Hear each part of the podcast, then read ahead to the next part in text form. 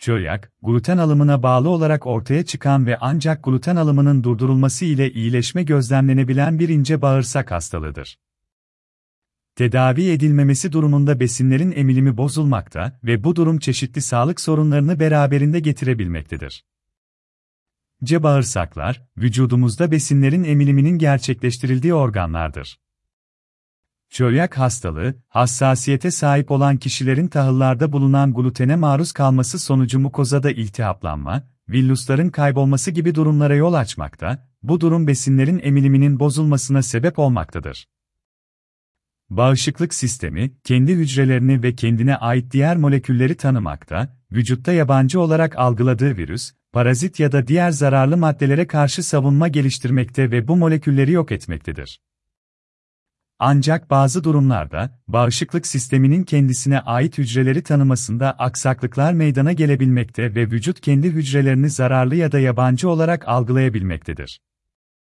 Çölyak hastalığına genetik yatkınlığı bulunan kişilerde, buğday, arpa, çavdar gibi tahıl ürünlerinde bulunan gluten adı verilen protein molekülü, bağışıklık sisteminin kendi moleküllerine karşı harekete geçmesine sebep olan tetiklemeyi gerçekleştirerek, hedef şaşırtabilmektedir.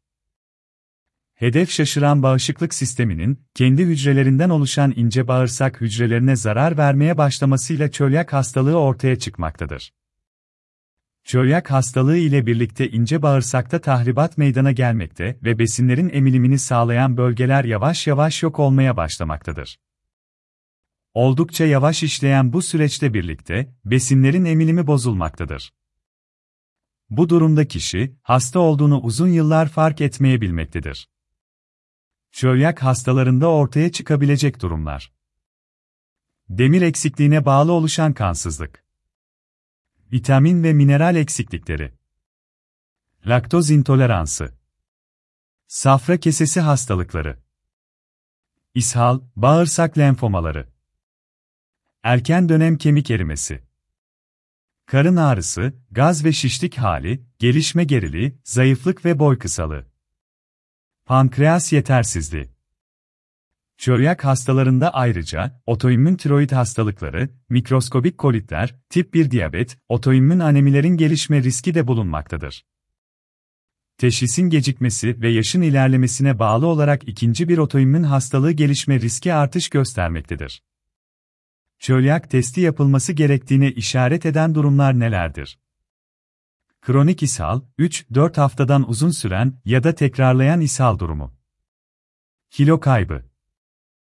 Başka nedenlerle açıklanamayan demir ve B12 vitamini eksikti. Bağırsak emilim bozukluğundan şüphelenilen hastalar. Şişkinlik.